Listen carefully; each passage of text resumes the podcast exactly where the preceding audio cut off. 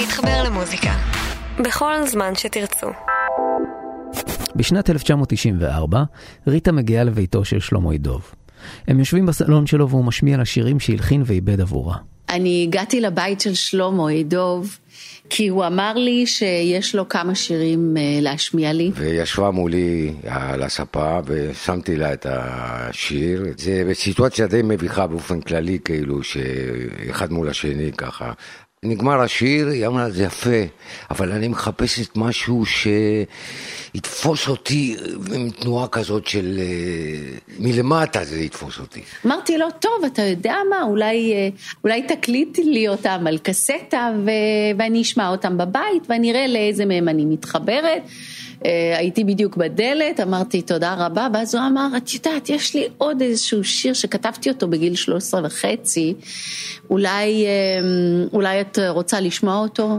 אמרתי, כן. ואז נזכרתי בשיר, Esta canción que nas de la tristeza se fue forjando. ואני ממש מהמשפטים הראשונים הבנתי שיש כאן משהו יוצא דופן, קסם, ופשוט אני לא מאמינה ל, ל, ליופי הזה.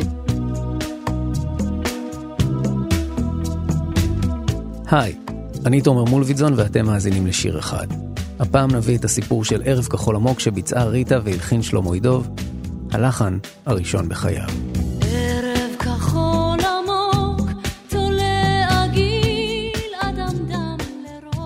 שלמה ידוב נולד ב-1951 בבואנוס איירס, ארגנטינה.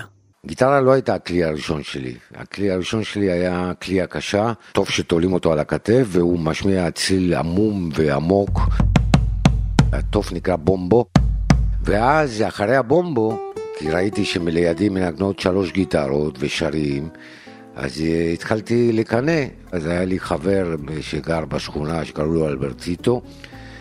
וההורים שלו קנו לו גיטרה למרות שהוא בכלל לא גילה שום עניין.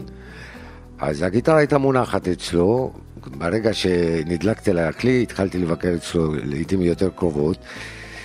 ובאיזשהו שלב אימא שלי קלטה את הקטע ולמרות שזה לא היה קל אה, כלכלית, היא לקחה אותי לאיזה חנות עם אה, חלון ראווה של גיטרה אחת עומדת שם, חנות פצפונת והייתה שם גיטרה אחת שבדקתי אותה וניגנתי עליה ואהבתי ולקחתי אותה הביתה.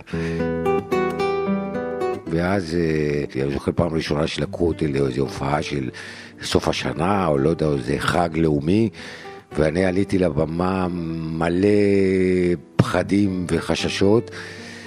סיימתי את השיר והיו מחיאות כפיים וזה התקבל יפה ואני הייתי מרוצה ומאושר עד השמיים. זה היה כמו איזה הזרקה כזאת. אבא שלי הגיע יום אחד ואמר, זהו, אנחנו נוסעים. הביאו איזה מפה של ארץ ישראל, ראיתי איזה שלוש מקומות מודגשים, חיפה, תל אביב, ירושלים, וזה מאוד קרוב אחד לשני, אז אחי ואני כבר התחלנו לפנטז איך אנחנו עושים טיולי אופניים, זה נראה לנו מה, בקלי קלות. עכשיו, בשביל ילד בן 13 לצאת להפלגה של 20 יום בים, באוקיינוס, מארגנטינה לכאן, ולעלות על אונייה של צים, שהייתה אונייה חדשה, חדשה, קטנה, אבל טיפ-טופ, ויש מלא בנות בגיל שלי, ויש שלושה מועדונים ובריכת שחייה.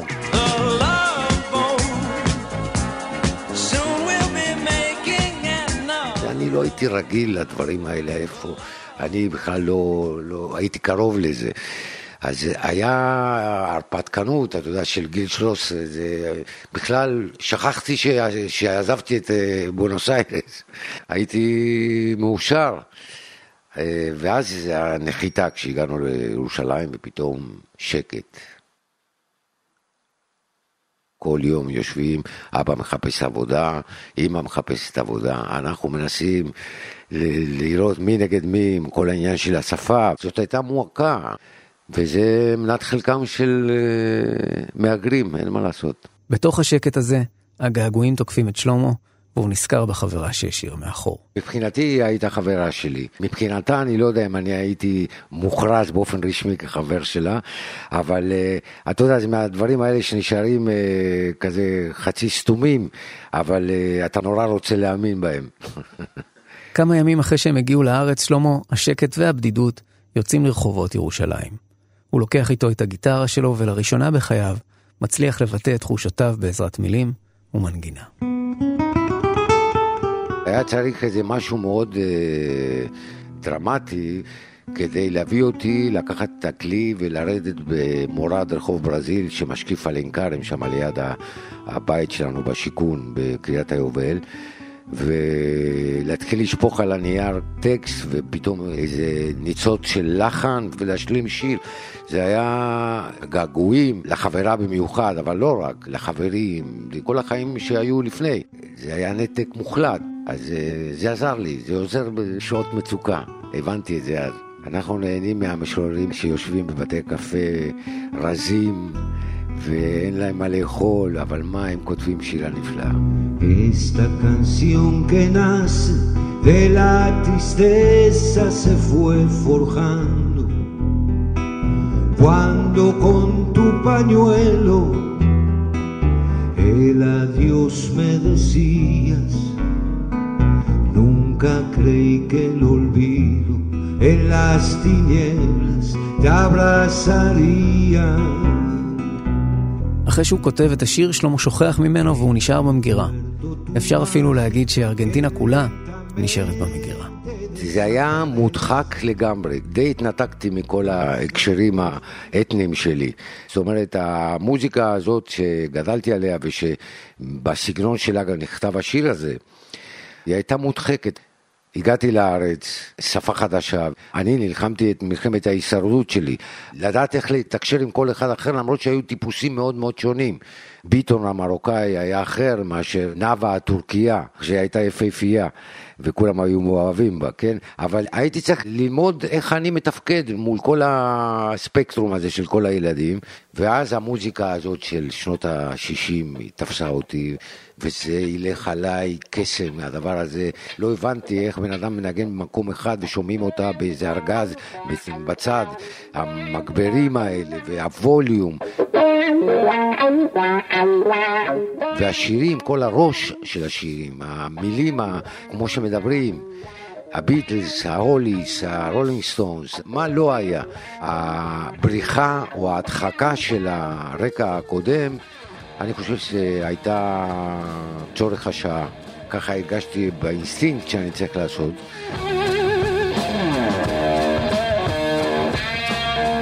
דבר אחד התמרדתי, כנראה אחרי ניסיונות כושלים לדבר בלי מבטא, הבנתי שאני לא יכול לגלגל את הרש כמו שצבר עושה את זה, זה לא יוצא לי טבעי, אז ויתרתי ובאיזשהו מקום אני שמח, שהיה המרד הקטן הזה שלי.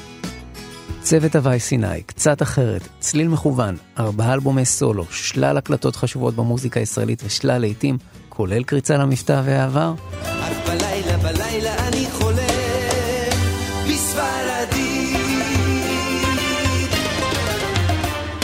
ו-30 שנה אחרי שעלה לארץ אנחנו ברגע ההוא. שנת 1994, כששלמה יושב בסלון ומולו ריטה, שלא ממש מראה עניין בלחנים שהוא משמיע לה, עד שהוא נזכר.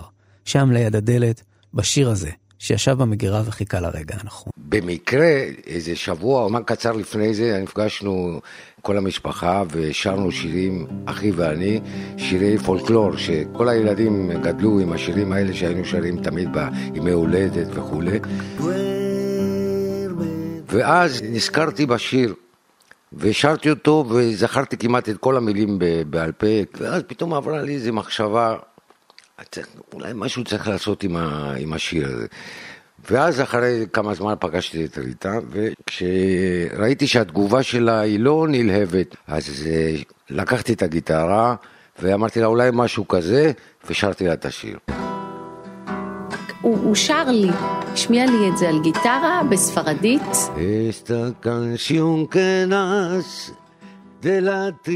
הוא סיים, ואני הייתי מאוהבת לגמרי ומוקסמת לגמרי, אבל מה, ניסיתי לשים על פניי איזושהי ארשת פנים מאוד אדישה כזאתי, שהוא לא יתחרט במקרה, והוא ידע שזה פשוט מטורף, ושבסוף הוא יגיד שהוא לא רוצה לתת לי את השיר. אז עשיתי כזה מין ארשת פנים של סוחרת כזאתי. אני זוכר את הבעה הזאת. כי יש משהו מאוד מלחיץ בסיטואציה כזאת. אתה יודע, זה נורא פרונטלי וזה יכול להיות מביך. אבל ככה על הפנים אמרתי, יופי, אני גם את השיר הזה אני אשמח לשמוע. אז אמר, טוב, אז אני אשים את זה ברשימת השירים שאני אקליט לך על הקלטת. אמרתי, לא, לא, אתה יודע מה, תקליט לי את זה עכשיו, אני אחכה. לא עזבתי את הבית שלו עד שהוא לא הקליט לי את זה. היא קלטה מה יש בתוך השיר. היא קלטה שזה מתאים למזג שלה. שלמה מקליט לה את השיר, ועכשיו מתחיל החיפוש. החיפוש אחר המשורר והמילים בעברית. החיפושים אחרי הטקסט ללחן הזה היו אצל כמה אנשים. באמת היו כמה וכמה גרסאות לשיר הזה. אני אשלוף את המחברת המרופטת, גרסה של יונתן גפן. בין הצדפים בחוף אותך מצאתי ואותך איבדתי. מה כבר היה בעצם? קיץ אחד של קסם, ואז פתאום הגשם, ילדה הייתי. לשתות רציתי את כל הים. זה יכול היה להיות בין הצדפים בחוף, אותך מצאתי, אותך אהבתי. אני קיבלתי מנגינה שבוצעה על ידי שלמה עידו, והוא בעצם שר את השיר שלו בספרדית. זה מאיר אריאל, מתוך ראיון להראל סלוצקי ברדיו כל רגע, 30 בינואר 1998. ריטה פנתה אליו כדי שיכתוב מילים בעברית ללחן של שלמה. אני לצערי לא שומע ספרדית, ואני התייחסתי רק למנגינה, וכתבתי ערב כחול עמוק, והצעתי את זה לריטה, והיא אהבה את זה. ואין לזה שום קשר לקומולונה של uh, שלמה ידוב. אספר לך סיפור. זאת תרצה אריאל, אלמנתו של מאיר אריאל, זיכרון צדיק לברכה. בעודי שוכבת במיטה, שעה 12 בלילה אולי, נכנס מאיר, בעלי היקר, סיפור מחדר המיטות, חבר'ה, האזינו קשב רב. עומד מולי ואומר, צוק, קראנו אחד לשני צוק, יש לי חדשות בשבילך. אני הולך לאכזב שתי מלכות באותו הזמן. אני אומרת, מי בדיוק נשות המלוכה שאתה מדבר עליהן? הוא אומר, קודם כל את, ואחר כך ריטה. אני אומרת, ריטה ביקשה ממך שיר ואתה לא מסתדר עם הבקשה? הוא אומר, כבר שלושה ימים חופר וחופר וחופר, לא מצליח להתחבר. אני אומרת לצוק, אבל תקשיב טוב לאשתך נכון לעכשיו. תעזוב את השיר וצא לסיבוב בראונד דה בלוק. אתה רוצה, קח שני בלוקים. תחזור הביתה בשלום ותעזוב את השיר ליום, יומיים, שלושה, אף אחד לא רודף אחריך עם אקדח. את פשוט גאון, אומר לי הבחור, ויוצא לסיבוב. עברו שלושה ימים, וגמר את השיר, תודה לאל. הפזמון שם היה מטורף מבחינתי. בא לי בזאת הפעם ליפול על חרב, למות עליך, למות, למות עליך. הבנתי שהוא הצליח לעברת את המילה שהמזרחים כל כך הרבה משתמשים בכפרה, כפרה עלייך, כפרה עליך. זה לא דבר זול, זה דבר מאוד רגשי ופנימי ועמוק. ופתאום יש לזה מילה בעברית. למות עליך. במקום להגיד אני אוהבת אותך, שזה כל כך שגרתי, הוא כתב למות עלייך. אני הייתי מוכנה ליפול על חרב כל יום בשביל מאיר. לא ראיתי את חיי יום אחד בלעדיו. אבל אז הוא דיבר עם שלמה, ושלמה רצה סיפור אחר. ריטה ביקשה שאני אשב איתו ונראה מה אפשר לעשות. הם מנסים לתרגם את הגרסה המקורית של שלמה מספרדית לעברית. השיר הזה נולד, מתעצב, הוא הולך ונרקם כאשר עם המטפחת שלך את השלום אמרת לי, או אמרת לי שלום, מעולם לא האמנתי שהשכחה תחבק אותך בחשיכה. כמובן, אה, זה לא עובד ככה בתרגום. אפשר לשחק עם המילים בעברית, אבל היה ניסיון וזה לא, זה לא היה זה. ואני ראיתי את זה ואמרתי, יואו, לא, לא, לא, לא, לא. זה חייב לחזור uh, לטקסט הקודם. אני לא יודעת איזו חוצפה הייתה לי. התקשרתי לשלמה עידו. אמרתי, תקשיב, שלמה, אני הולכת לעשות מהשיר הזה כזה להיט, מטורף. אתה תראה, זה, זה, זה יהיה משהו מטורף. אני לא יודעת מאיזה, מאיזה מקום ואיזה ביטחון היה לי אומץ להגיד את זה בכלל ל, ל, ליוצר אה, מדהים כמו שלמה עידוב. אבל אמרתי, תן לי לעשות את מה שאני חושבת. והוא אמר, אה, את יודעת מה, בסדר. זה היה תפור על זה, כי כאילו אה, בשיא השיר, במקום הכי גבוה על השיר, בא לי בזאת הפעם ליפול על חר ולמות עליך. למות, למות עליך.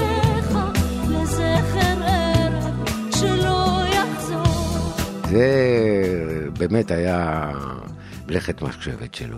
מאוד דרמטי וזה התאים לה. כשמאיר מקבל הזמנה מריטה או ממישהו אחר, הוא קודם כל נכנס לאישיות של המבצע. זה דורש המון ממי שכותב, והוא באמת, העבודה הכי קשה שהוא עשה בחיים זה כאשר מישהו ביקש ממנו שיכתוב לו שיר. זה היה בשבילו העבודה הכי קשה בעולם. יצירה נבואית הייתה לו, אבל רק בשירים שהוא כתב וביצע. לאחרים, רק מילים מהסרטים. וחזרתי למאיר אריאל, ועל הבתים אני זוכרת שנדנדתי לו הרבה.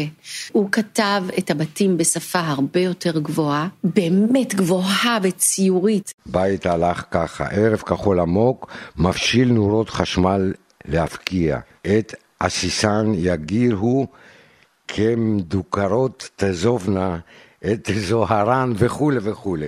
זה היה שפה קצת אה, טיפה מליצית אולי, טיפה גבוהה מדי.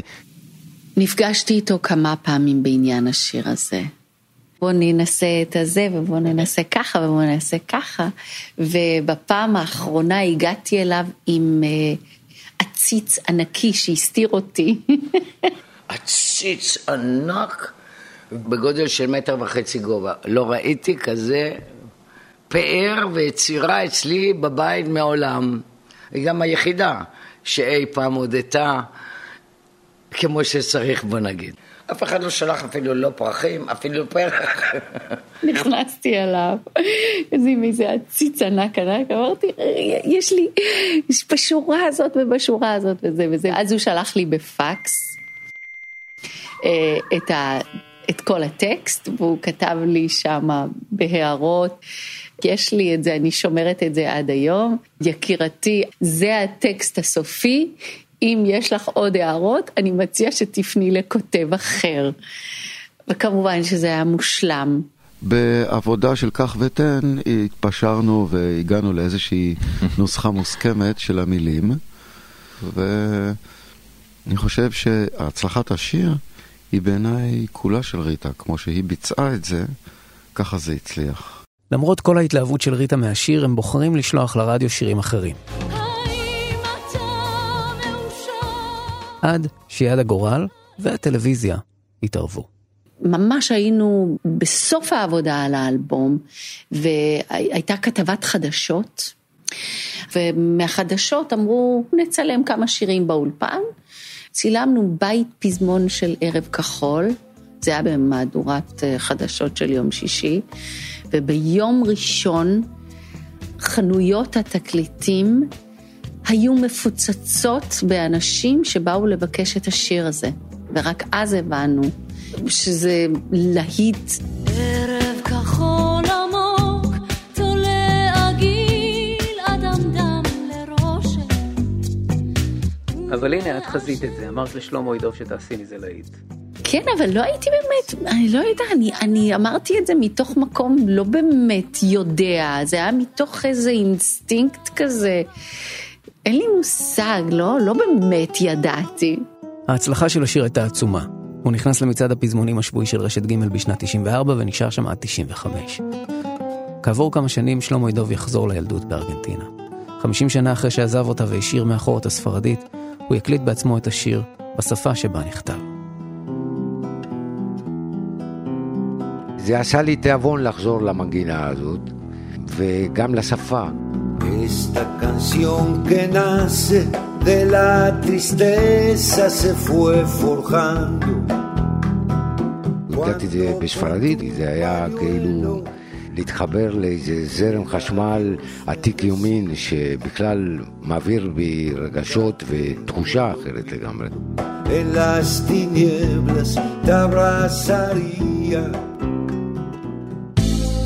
אתם האזנתם לשיר אחד. את הפרק הזה הפקתי עם אייל שינדלר ועם צוות התוכנית רומטיק, ניר גורלי ומאיה קוסובר. תודה גם ליונתן גת ולרדיו כל רגע. אני תומר מולביטזון, ופרקים נוספים של שיר אחד ניתן למצוא באתר כאן ובכל אפליקציית פודקאסטים. או כמו שאומרים בשפה שמאיר כל כך אהב, יוסמוני הסכתים.